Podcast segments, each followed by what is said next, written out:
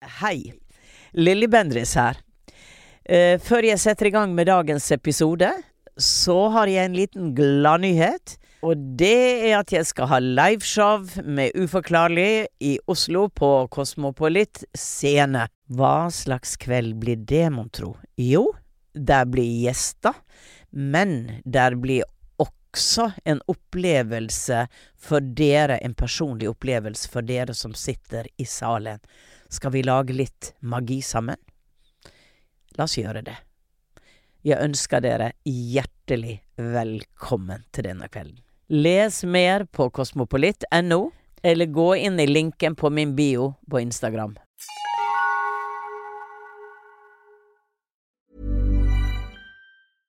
Hey, I'm Ryan Reynolds. At Mint Mobile, we like to do the opposite of what Big Wireless does. They charge you a lot, we charge you a little. So naturally, when they announced they'd be raising their prices due to inflation, we decided to deflate our prices due to not hating you. That's right. We're cutting the price of Mint Unlimited from $30 a month to just $15 a month. Give it a try at mintmobile.com slash switch. $45 upfront for three months plus taxes and fees. Promo rate for new customers for limited time. Unlimited more than 40 gigabytes per month. Slows. Full terms at mintmobile.com. When you're ready to pop the question, the last thing you want to do is second guess the ring. At Bluenile.com, you can design a one of a kind ring with the ease and convenience of shopping online. Choose your diamond and setting. When you find the one, you'll get it delivered right to your door. Go to Bluenile.com and use promo code LISTEN to get $50 off your purchase of $500 or more. That's code LISTEN at Bluenile.com for $50 off your purchase. Bluenile.com code LISTEN. Hei dere. Det er romjul, og det har vært mange dager med fest og moro. Så da passer det perfekt å lene seg tilbake og lytte til denne liveshow-spesialen av Uforklarlig. Jeg var nemlig i Drammen 29. november og hadde to fantastiske gjester med to veldig ulike uforklarlige historier. Du skal få høre Jeanette fortelle om den uforklarlige beskjeden hun fikk da en kvinne i nærområdet var i ferd med å ta sitt eget liv. Og Preben sin historie om mystisk bildemanipulering. Så finn frem pleddet, kaffen eller kakaoen, og bli med på denne uforklarlige kvelden.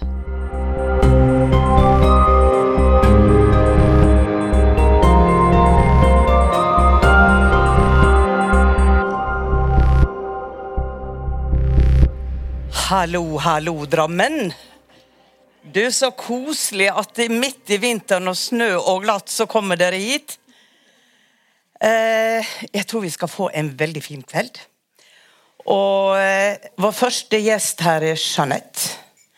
Og eh, hun skal få komme opp på scenen, men først så skal vi lytte til den uforklarlige historien.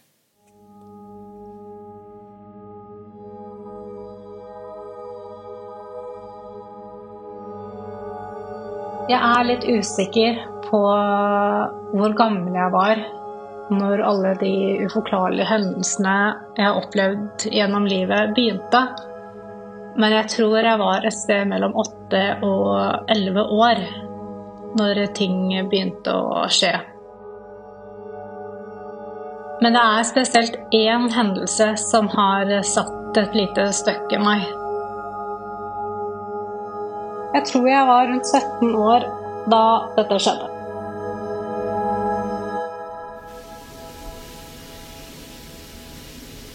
Det var en sein høstkveld. Det var kaldt og mørkt ute. Vi var hjemme hos kjæresten min som eh, bodde hos sine foreldre. Jeg var veldig trøtt og sliten og skulle gå og legge meg på kvelden. Jeg gikk på badet og stelte meg og gikk videre inn til soverommet. Idet jeg var på vei til å sovne, så var det akkurat som at jeg fikk en beskjed eller en veldig sterk følelse eller en trang til at jeg måtte gå ned til elva. Det var en dame der som ikke orka livet lenger. En dame som ønska å avslutte det ved å gå ut i elva.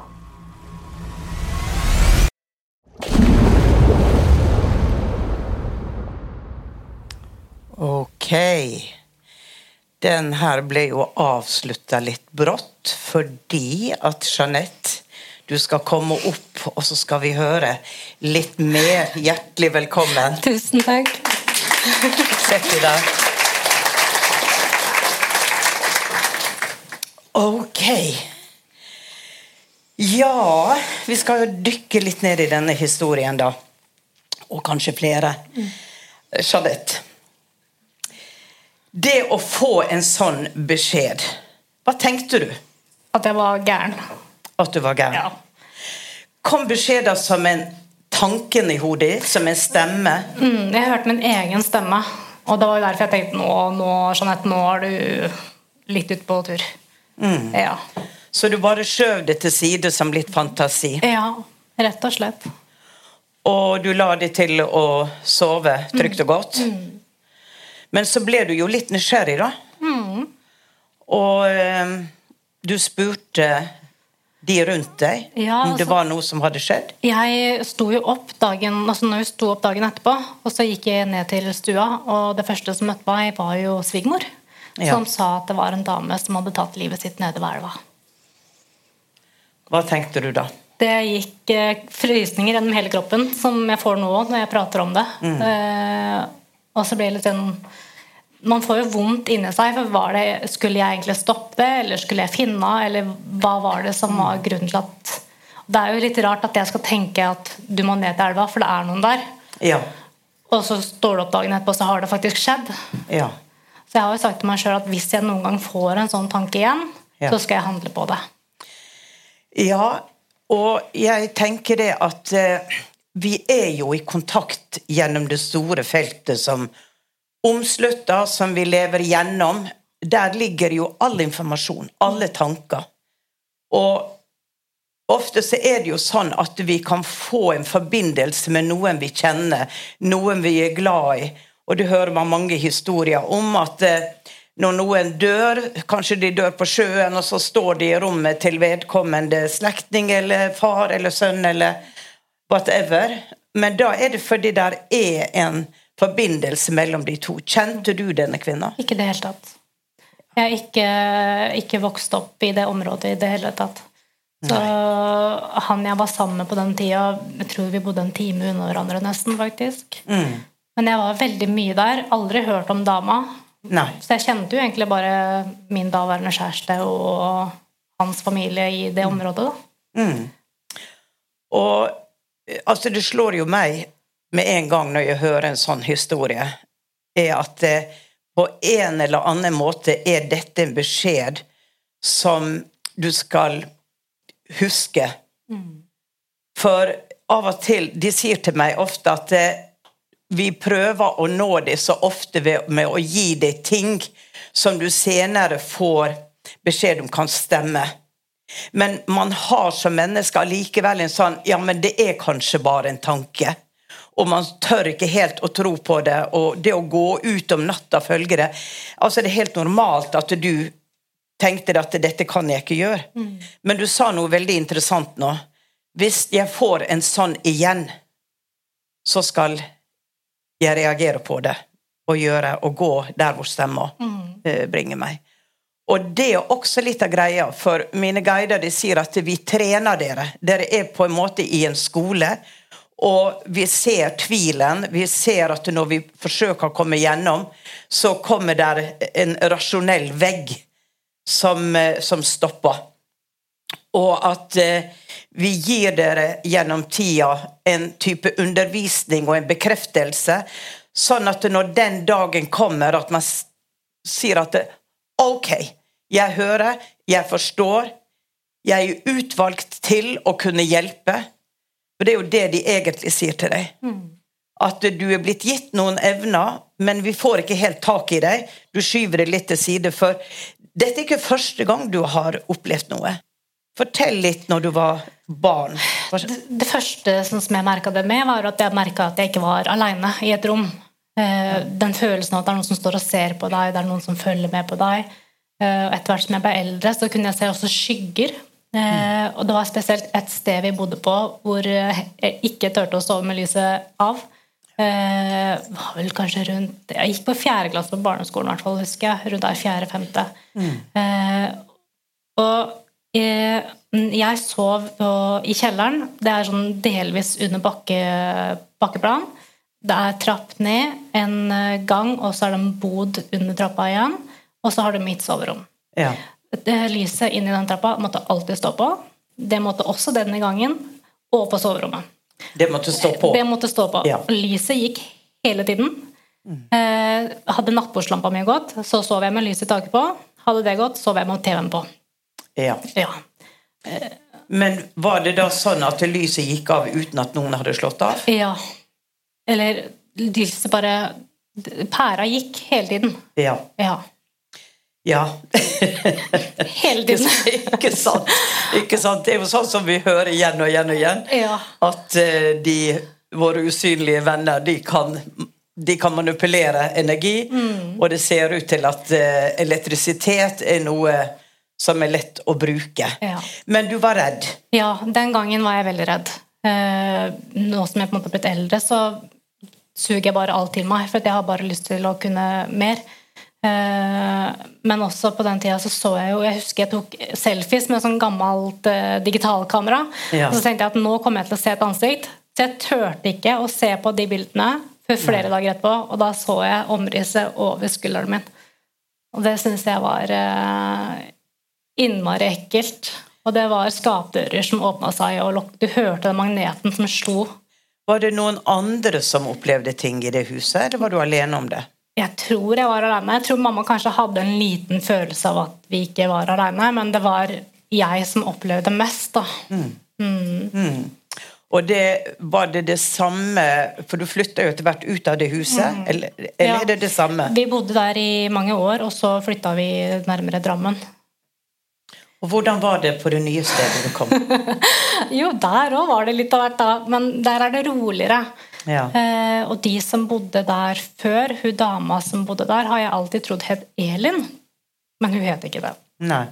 Eh, og jeg tror det var første eller andre natta vi sov der, så våkna jeg av en damestemme eh, nede i kjelleren som ropte på Elin. Så jeg har alltid kobla det Ja. til hun, da. Ja. Men jeg har jo ikke turt å spørre om hun har Nei. noe rundt det, rundt det navnet. Og så har det jo vært en del Lillebroren min er jo veldig sensitiv også, eh, så han òg merker en del inne i huset og Mm. har ikke sovet på soverommet sitt på et par år nå. Så vi har jo fått bekrefta i ettertid at det er en dame i huset, da. Riktig. Mm. Og det at du var redd, har det fulgt deg nå opp i voksen alder? Nei, nå er jeg rolig. Ja. Nå er jeg ikke redd for det, på en måte. Eh, Opplever du at du senser at ting skjer der er litt poltergeist? Opplever du det at noen snakker til deg på samme måte som denne spesielle kvelden, da? Jeg føler på en måte at det er noen som står Jeg hører ikke noen ord, men jeg Nei. føler at det er noen som står og på en måte nistirrer på meg. Akkurat som at Se meg, jeg er her, kan vi få kontakt, på en måte? Men det er ikke noe sånn Der jeg bor nå, så er det jo veldig rolig. Der kommer det jo, men der tror jeg det er besteforeldra til samboeren min som kommer og går litt. Ja.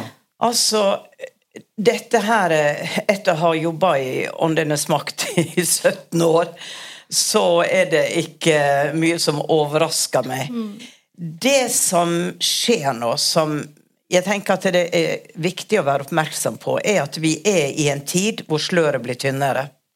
Vi begynner å aktivere noe som har vært sovende i oss, og det skjer det skjer med at vi også får mer opp, vi blir mer opplyst gjennom media, gjennom filmer, av at det er en, et liv etter døden. At det er noe som er der ute.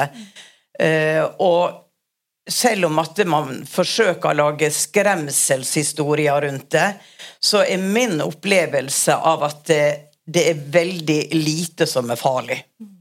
Det er gjerne genuint, og hvis noen kommer inn og, og man blir redd og føler jeg blir dytta på Ja, det kan være et barn som sier 'vil du leke med meg', og du hører meg ikke, og gjør litt rampete ting.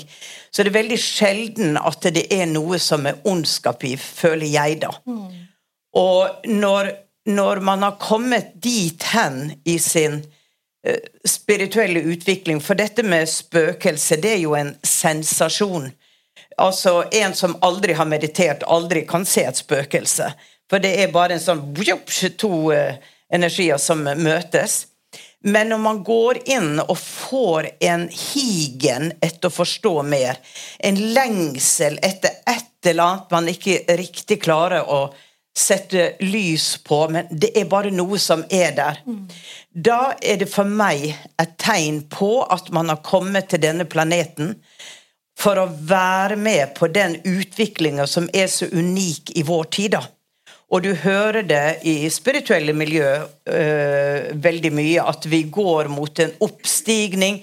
Vi går mot at vi blir mer klarseende, vi tar i bruk evner som ligger der latent i oss, i vårt DNA.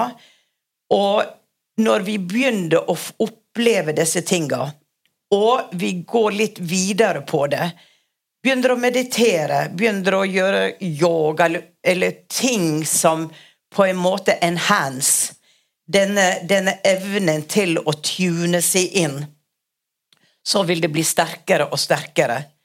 Fordi som regel er det da at man har kommet til denne planeten for å bruke evnene. Fremelske de og bruke de. Og når de gjentatte ganger viser deg Altså, du blir plukka på skuldra, ikke sant? Og gjerne mer og mer intens. Da er det jo ditt valg. Skal jeg gå videre med dette? Mm. Skal jeg utvikle de, uh, evnene mine? Og det kan gjøres selvfølgelig på veldig mange måter.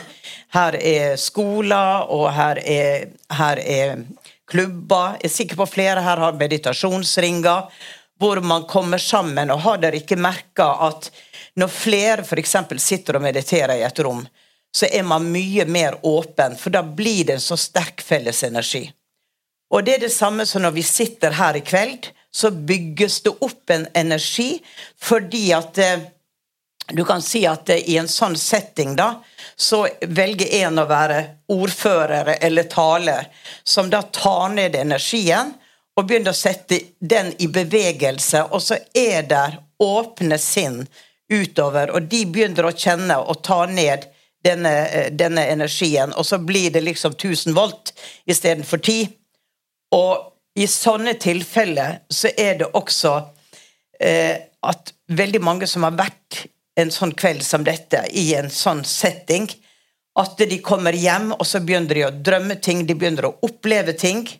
Og dette er ikke noe negativt, det er ikke noe å være redd for, men det er på en måte sjela di som, som begynner å koble seg på deg. Eh, for det som jeg forstår, da, jeg sier ikke dette er en sannhet, men det er manges sannhet i vår tid, også min. Det er at vi er multidimensjonelle. Vi lever parallelle liv. Altså her på jorda så er det, er det tid, og vi snakker om fortid og fremtid. Men fra der sjela vår eh, holder til, der er det ingen tid. Så la oss se at sjela vår sender ut eh, deler av seg selv som blir kanskje 100 mennesker. Den deler seg opp i små biter for å erfare alt som er å erfare. Og disse bitene da, som blir mennesker som er inkarnert enten her på jorda eller andre stjernesystem eller parallelle eh, jorder, så, så vil man også kunne få en kontakt. Og dette er litt interessant, fordi at man sier at 'hvem er min hjelper'? La oss si det kommer inn da en kvinne sånn og sånn og sånn, og hun er veldig kunstnerisk, og hun gir deg et påtrykk. Du må begynne å male, du må begynne å gjøre kreative ting. Du har et talent, og jeg skal hjelpe deg. Og så tenker man dette er en guide. Det kan også være en selv fra et parallelt liv som kommer inn og kobler seg på, som hjelper deg i det som eventuelt ligger litt i manuskriptet ditt, at du skal gjøre i denne inkarnasjonen. Og derfor så Når man hører disse beskjedene, disse stemmene Det kan være en del av deg selv som kommer til deg. Og denne universet, la meg si det, denne universets vev er intrikat, den er fantastisk, fordi at alt er en del av alt annet. Så det kan være at i sin desperasjon, da, så sender denne kvinna ut en tanke. Jeg orker ikke dette livet mer. Jeg orker ikke dette livet mer, og hvis det er meninga at jeg skal være her, så gi meg et tegn. Send meg. Send meg en hjelper. Send meg noen. Og så går den der ut i det store feltet, og så treffer det noen som sender den videre. 'Ja, men jeg kan ikke gjøre det. Jeg er ikke tilgjengelig.' Ah, der er en som er åpen. Der er en, et lys som er åpent og tilgjengelig. Så man kobler seg på mange, mange, mange bevissthet og sjeler. Likt tiltrekker likt. Men i dette øyeblikket så får jeg så sterkt at det, det, var en desperasjon der om å Hvis hun skulle leve videre, så måtte hun få et tegn. Og denne meldinga kan ha gått ut til flere eller deg. Ikke sant? Den sprer seg, for det er tanken hun sender ut. Er det noen som kanskje kan stoppe meg? Så du må ikke føle deg skyldig fordi at du ikke reagerte på det. Men det fungerer ofte sånn. Og vi hører de utallige historier hvor noen f.eks. har blitt redda, eller det er andre ting. Man våkner midt på natta, eh, løper ut av huset, det har begynt å brenne, og du blir redda fordi at du våkner av en drøm. Så universet prøver på mange måter å gi oss beskjeder. Og når det er såpass sterkt som dette for du, La oss si at det har vært en lang rekke Aha, her er noe. Ja, jeg føler noe, jeg kjenner noe. Denne opplevelsen er for meg en markør som sier til deg Ja, hva vil du egentlig? Mm. Og at du kan da ha en type profetisk gave som gjør at du kan gå inn. Men dette med profetiske gaver er også vanskelig. Fordi at eh, du kan se f.eks. at eh, en bil kolliderer et kryss. Men du får ikke vite hvilken dag det er. Du vet ikke hvor, hvor, skal du vite det? Og 11. juli Nei, 22. juli, var det ikke det, da? Ja. Eh, så var det så mange som sendte meg mail at de hadde sett katastrofe. De hadde ditt En episode var det jo en som på akkurat samme måte som deg fikk beskjed om å vente til neste buss. Og hun opplevde det som om hun var i en transelignende tilstand. For it didn't make sense. Det var ikke logisk. Men hun fulgte da det, og kom Kanskje ble redda, eller i hvert fall hun kunne vært midt i det. Eh, det som bomba, det som skjedde der. Så det våre guider ber oss om, er å være lydhøre. Ikke avvise så raskt, men samtidig bruke vår common sense på at eh, Ok, ok eh, Jeg skal prøve å gå inn og kjenne etter enda dypere. Er denne beskjeden reell? Mm. For det som er så interessant nå, det er at eh, forskning har vist oss at hjertet har hjerneceller. Og at hjertet responderer mye hurtigere eller hjernen gjør. F.eks. man ser et skremselsbilde på TV. Før dette skremselsbildet kommer på TV-skjermen, så reagerer hjertet. Før selve bildet kommer på skjermen. Og hjernen reagerer. Dette er jo, De setter på instrument for å forske på dette. da. Og hjernen den responderer når du ser det. Så for meg er det gjennom hjertet vi får disse beskjedene. Og også etter hvert som man blir litt trena opp i det, da, så er det noe med også å kjenne etter hvor, hvor kommer denne beskjeden fra. Uh, nei, jeg blir uvel. Nei, dette er ikke noe. Så er det ofte kanskje en tanke, og det er ikke en beskjed. Mm. Hjertet Du vil alltid Selv om det, dette var en beskjed som på en måte tilsa at noe dramatisk skulle skje, men man får en hjertefølelse ikke en uhyggefølelse av at nei, men sånn og sånn. Man får en hjertefølelse, og det er den måten de forsøker å nå oss genuint. Det er gjennom hjertet. Men jeg spør deg igjen, når du nå sitter her og har fortalt historien din, mm. hva kjenner du da i systemet ditt om hva du skal gjøre videre? Så jeg vil jo vite mer, så jeg må jo prøve å gå videre med det. Jeg føler liksom ikke at det er nok. Jeg vil kunne, kunne, mer og gjøre ja. mer. Ja. Og da er det jo dette som jeg sier, at skal du begynne å connecte med ditt høyere selv, engler, hjelpere, hva det nå enn er, så er det i vår støyfulle hverdag nødvendig med stillhet. For det, det kommer signal hele tida til, til, hjernen vår. Og det er ofte også derfor vi får ting i søvne, eller akkurat når vi skal legge oss og vi begynner å bli avslappa.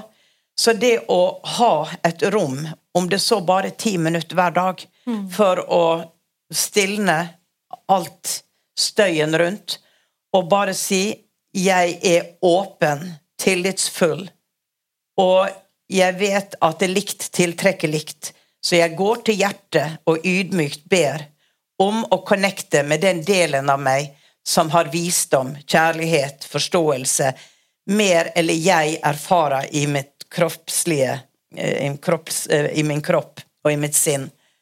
Sånn at du går gjennom hjertet, for intensjonen er veldig viktig. Uh, og det har vi jo hørt ofte, at du kan ha sånn glass som uh, Og så sier du ha-ha-ha, nå skal vi ha det litt festlig her, nå skal vi spørre hvem er det som er Ja, ja. Det er jo da en viss en viss med horn og Håva. Satan sjøl. Det, det sa jeg ikke. Men altså You ask for it, you may be surprised. Så det kan komme en skøyer inn der, eller det kan komme en som tenker at oi, nå skal jeg vise dem. Dette er ikke noe å leke med. Men hjertets intensjon Vi åpner ikke for å se spøkelse. Mm. Vi åpner for å bli mer, eller vi er. Bli større, ha tilgang til mer forståelse, viten, clarity, balanse. For alt dette ligger i dette feltet som vi nå i ferd Så mange i ferd med å gå inn i en forståelse av at vi er mye mer, og at døden er bare en transit, og vi fortsetter å eksistere. Og vår bevissthet er i mange kropper. Så du kan reise 5000 år frem i tid, som jeg gjorde, og traff uh, meg selv 5000 år frem i tid, og så kan du si at ja, ja, det var hallusinasjon. Ja, men hva, for, for en deilig hallusinasjon! Den tar jeg imot. Så fake it until you make it, er det ikke det de sier? Men jeg eh, tenker som så Vent litt. A lot can happen in three years, like a chatbot may be your new best friend. But what won't change? Needing health insurance. United Healthcare Tri Term Medical Plans, underwritten by Golden Rule Insurance Company, offer flexible, budget friendly coverage that lasts nearly three years in some states. Learn more at uh1.com. Hold up. What was that? Boring. No flavor. That was as bad as those leftovers you ate all week. Kiki Palmer here, and it's time to say hello to something fresh and guilt-free. Hello Fresh. Jazz up dinner with pecan-crusted chicken or garlic butter shrimp scampi. Now that's music to my mouth. Hello Fresh. Let's get this dinner party started. Discover all the delicious possibilities at hellofresh.com. There's never been a faster or easier way to start your weight loss journey than with PlushCare. PlushCare accepts most insurance plans and gives you online access to board-certified physicians who can prescribe FDA-approved weight loss medications like Wigovi and Zepbound for those who qualify. Take charge of your health and speak with a board-certified physician about a weight loss plan that's right for you. Get started today at plushcare.com slash weight loss. That's plushcare.com slash weight loss. plushcare.com slash weight loss. De som står bak deg, er de gamle av dage. Det vil si, sånn som jeg forstår det, så er det et kollektivt felt som er der for å hjelpe de som kobler seg på det feltet. Det er informasjon, praktisk informasjon, men det er også undervisning i forståelsen av hva livet egentlig er. Så det de ber meg om, er at du åpner opp Cash Records, du åpner bøker, sånn at du, når du lærer deg ABC-en, så kan du også manøvrere deg i dette landskapet, og også vite når noe er reelt, og noe er tankespinn. Okay? Så de er her som lysvesen rundt deg. Og er det sikkert også andre, men det er de som presenterer seg nå. og vil hjelpe deg om det så er ditt valg fremover. Så du kan hjelpe andre. Ok. Så jeg vil bare si tusen takk for at du kom og delte historien. Selv takk. Og lykke til videre. Tusen takk.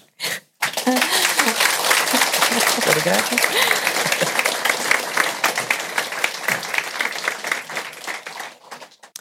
Vi skal ha en gjest til.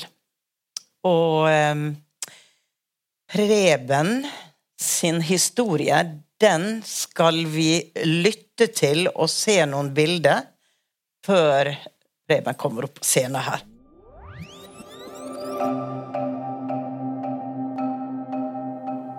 Vi skal tilbake til en marskveld i 2015. Jeg er på besøk hjemme hos Lilly for å filme et intervju med henne i forbindelse med en jobbsøknad til God kveld Norge. Jeg rigger opp kamerautstyret mitt. Jeg er litt nervøs, men Lilly betrygger meg med at det kommer til å gå helt fint. Jeg stiller Lilly spørsmål. Hun forteller en god del om barndommen sin, om kjærlighet og om livets opp- og nedturer. Lilly er ærlig og åpen. Det er ikke et eneste spørsmål hun ikke svarer på.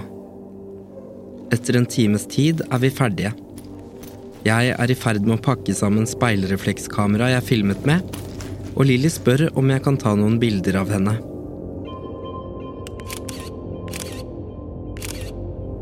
Jeg knipser i vei med kameraet. Knips, knips, knips. Lilly veksler positurer, og vi flytter oss rundt i leiligheten hennes for å få en variasjon i bakgrunnene. Etter å ha knipset rundt 100 bilder, setter vi oss ned i sofaen. Jeg tar ut minnekortet fra kameraet og putter det inn i Mac-en til Lilly. Da vi åpner mappen med bildene, ser vi forskrekket på hverandre. En del av bildene har blitt forvrengt. Lilly er plutselig sort-hvitt på ett bilde. På et annet bilde er hun opp ned.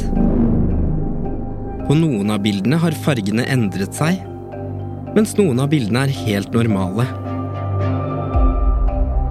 Det er ikke noe logisk system i hvilke bilder som er normale, og hvilke som har forandret seg. Jeg har alltid vært en skeptiker, og det er jeg fortsatt. Men for meg er dette helt uforklarlig.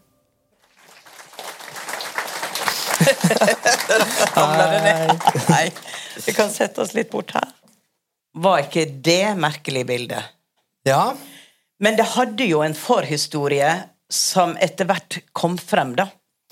absolutt. Eh, når du kom til meg den dagen, hadde du noen tanker? For du var en skeptiker. Her skulle du intervjue en dame som gjorde alt det der gærne som du ikke trodde på. Og eh, hva gikk rundt i hodet ditt før du kom?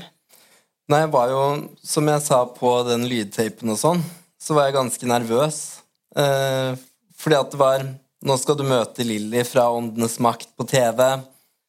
Eh, og eh, jeg visste ikke helt hva jeg skulle eh, Jeg visste ikke helt hva jeg skulle spørre deg om.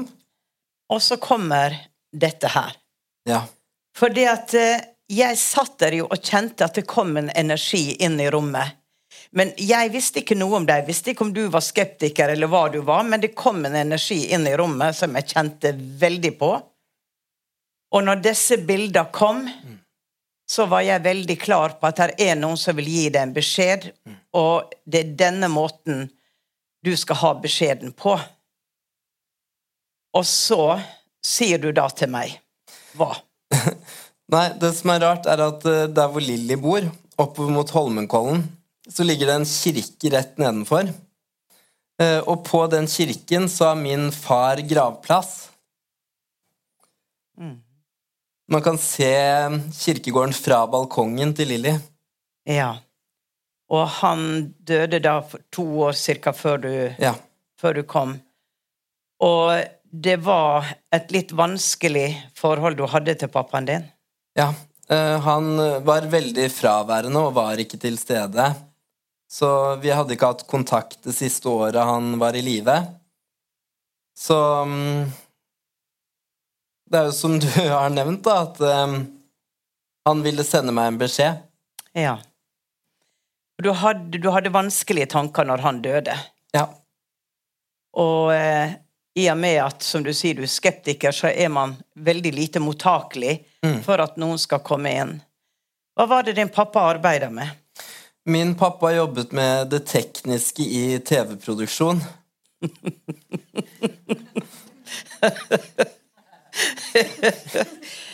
uh, ja, for det er jo så interessant. For jeg tenker jo at hadde jeg kommet da med en at jeg kjenner en energi, og det er en beskjed til deg, og noen som sier at de har det veldig bra, så hadde du tenkt ja, right.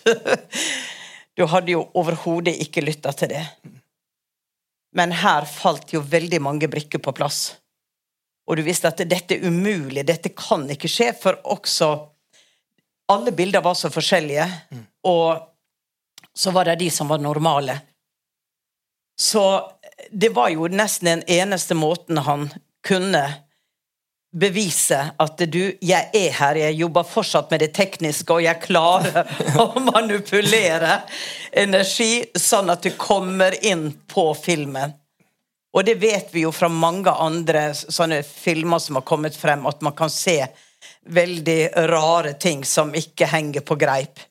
Men for meg var dette så unikt og så spesielt, og du har snakka med mange fotografer, og de bare rister på hodet Ja. Og forstår ingenting. Spesielt fordi at det ikke er noe system i det.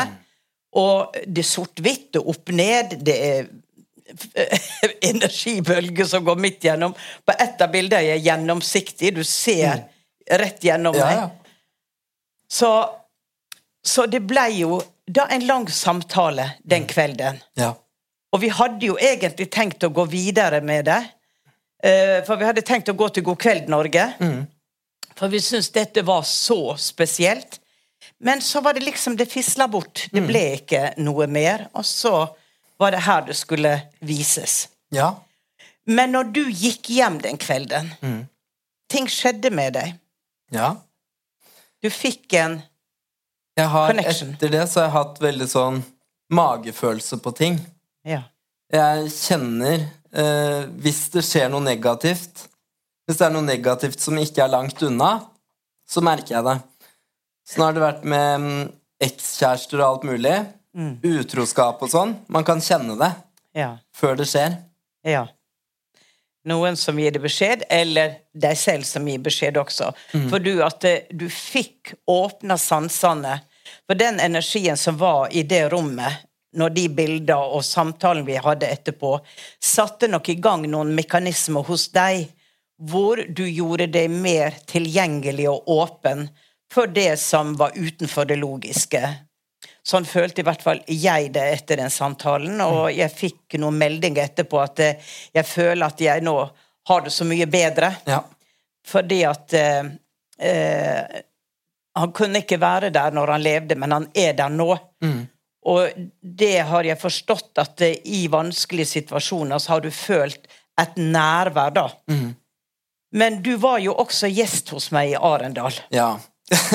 Og historien fortsetter, for det skjedde jo ikke noe mer sånn paranormalt. Men du var gjest i Arendal, og da gikk du tur. Uh, og tenkte på liksom hva du skulle snakke om og være da. Du tenkte på meg. Og hva skjer? Nei. Jeg går min faste tur. Uh, Jeg går alltid tur i Frognerparken på kvelden og forbi Vigelandsmuseet. Uh, Idet jeg passerer Vigelandsmuseet og tenker på i morgen skal jeg til Arendal Uh, Jeg var litt nervøs. Stor scene. 700 mennesker i salen. Idet jeg passerer Vigelandsmuseet, så ser jeg at lysene over inngangspartiet blinker. Så jeg tar opp mobilen min og filmer. Og det er ikke noe system der heller. For det er ikke sånn 1, 2, 3. Det er litt her og der hvordan lysene bare blinker mens jeg går forbi. Så jeg filmer jo dette her og sender deg på Messenger videoen. Ja. Og så spør jeg tilfeldig spørsmålstegn. Ja, og da sitter jeg Dette er sånn, sånn, de, sånn de jobber der oppe der, der, rundt omkring oss. For da sitter jeg og har middag hos en bekjent. Hun har et stort, flott hus. Og jeg ser på Vi sitter rundt middagsbordet, og jeg ser da på denne filmen som du har sendt, og så sier jeg 'i all verden'. Så forteller jeg historien om deg. Og så sier jeg, og så skjer dette når han går foran Vigelandsmuseet. I all verden, dette er jo et tegn. Og så sier vertinna at ja, men så ikke du den store statua fra Vigeland som sto i gangen når du kom, da? En ekte, ekte kunstverk. En far som holder rundt en person. Og det kan være det er en kvinne som er der, det, det, det spiller ingen rolle, men symbolet 'Jeg er her og favner deg. Jeg er her og tar vare på deg. Jeg er her fortsatt'. Og jeg syns det var så sterkt. Mm.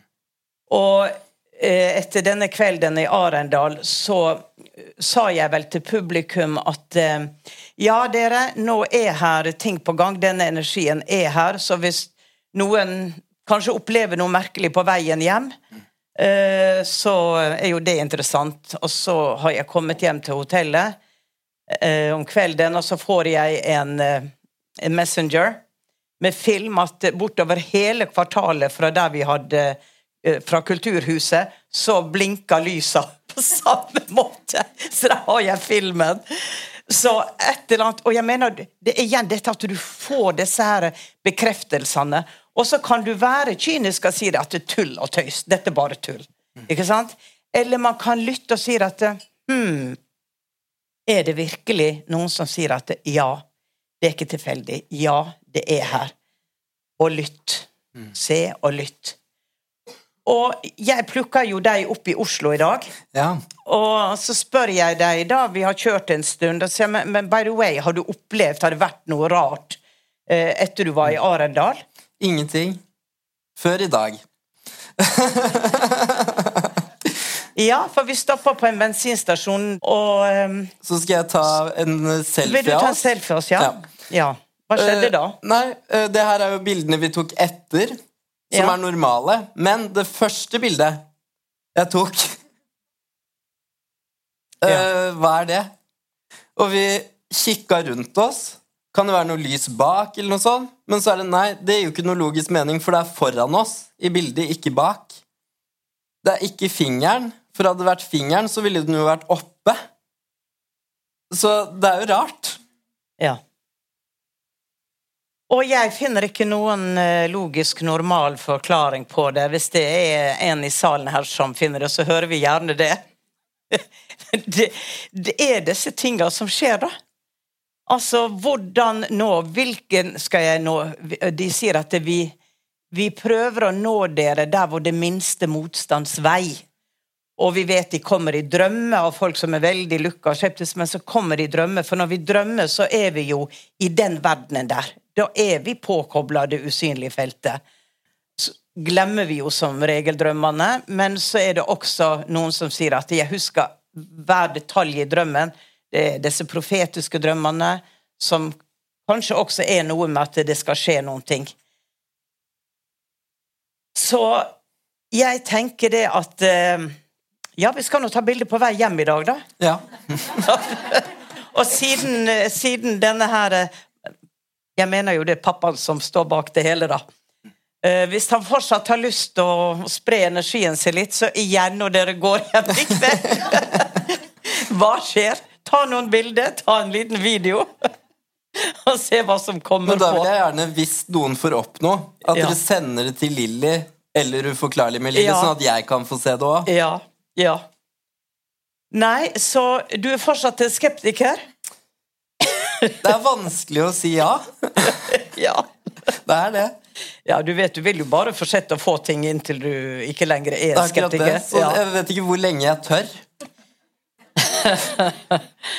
Nei, men jeg syns jo dette er en veldig humoristisk og fin måte å gjøre ting på. Absolutt. Ja. Så det er jo veldig mange som er redd for når de skal på en måte ta kontakt eller føle at deres kjære avdøde er borte, så er man allikevel redd for Å, oh, gud, jeg, eh, Hvis det står en person i rommet eh, foran meg, det er skremmende. De fleste vil synes det. Eh, jeg skal ikke ha noen inn på mitt soverom, og min yngste sønn har sagt mamma, den dagen du dør, du våger ikke å komme inn på mitt soverom. så, jeg har. Skal jeg ikke. skal jeg ikke. Så Ever catch yourself eating the same flavorless dinner three days in a row? Dreaming of something better? Well, HelloFresh is your guilt free dream come true, baby. It's me, Kiki Palmer. Let's wake up those taste buds with hot, juicy pecan crusted chicken or garlic butter shrimp scampi. Mm. Hello Fresh. Stop dreaming of all the delicious possibilities and dig in at HelloFresh.com. Let's get this dinner party started.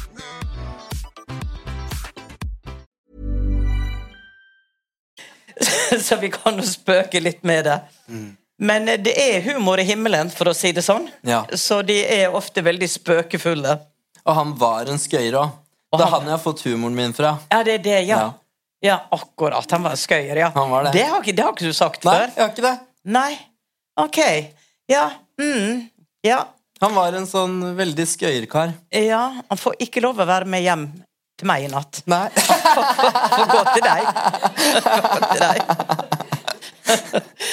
Åh, men, men disse tinga, det skjer kun når du har vært sammen med meg. Ja, aldri, Aldri ellers. ellers. Aldri.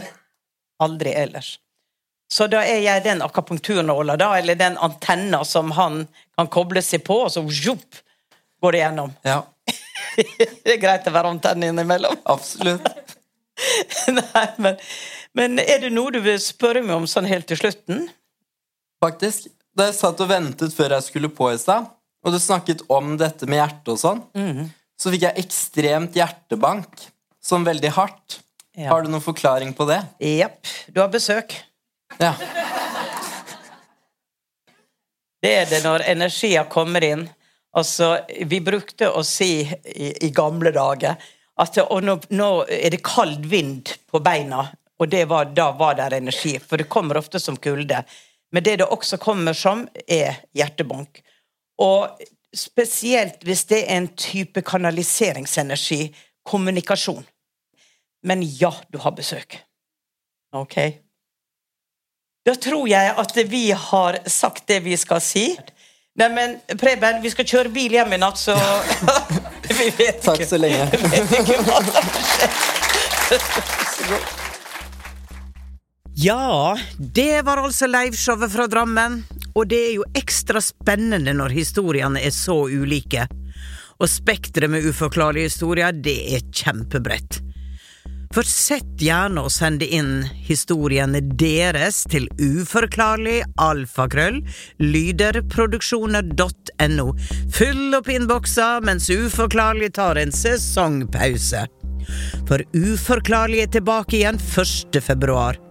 Skriv ned datoen, eller trykk følg der du lytter, hvis du er ekstra smart. Nyt de siste dagene av 2023 så snakkes vi igjen på nyttåret, og ha en fantastisk nyttårsaften. Full av kjærlighet, latter, moro, dans. Vær forsiktig med alkohol. Uh, uh, uh. Så høres vi igjen i eteren.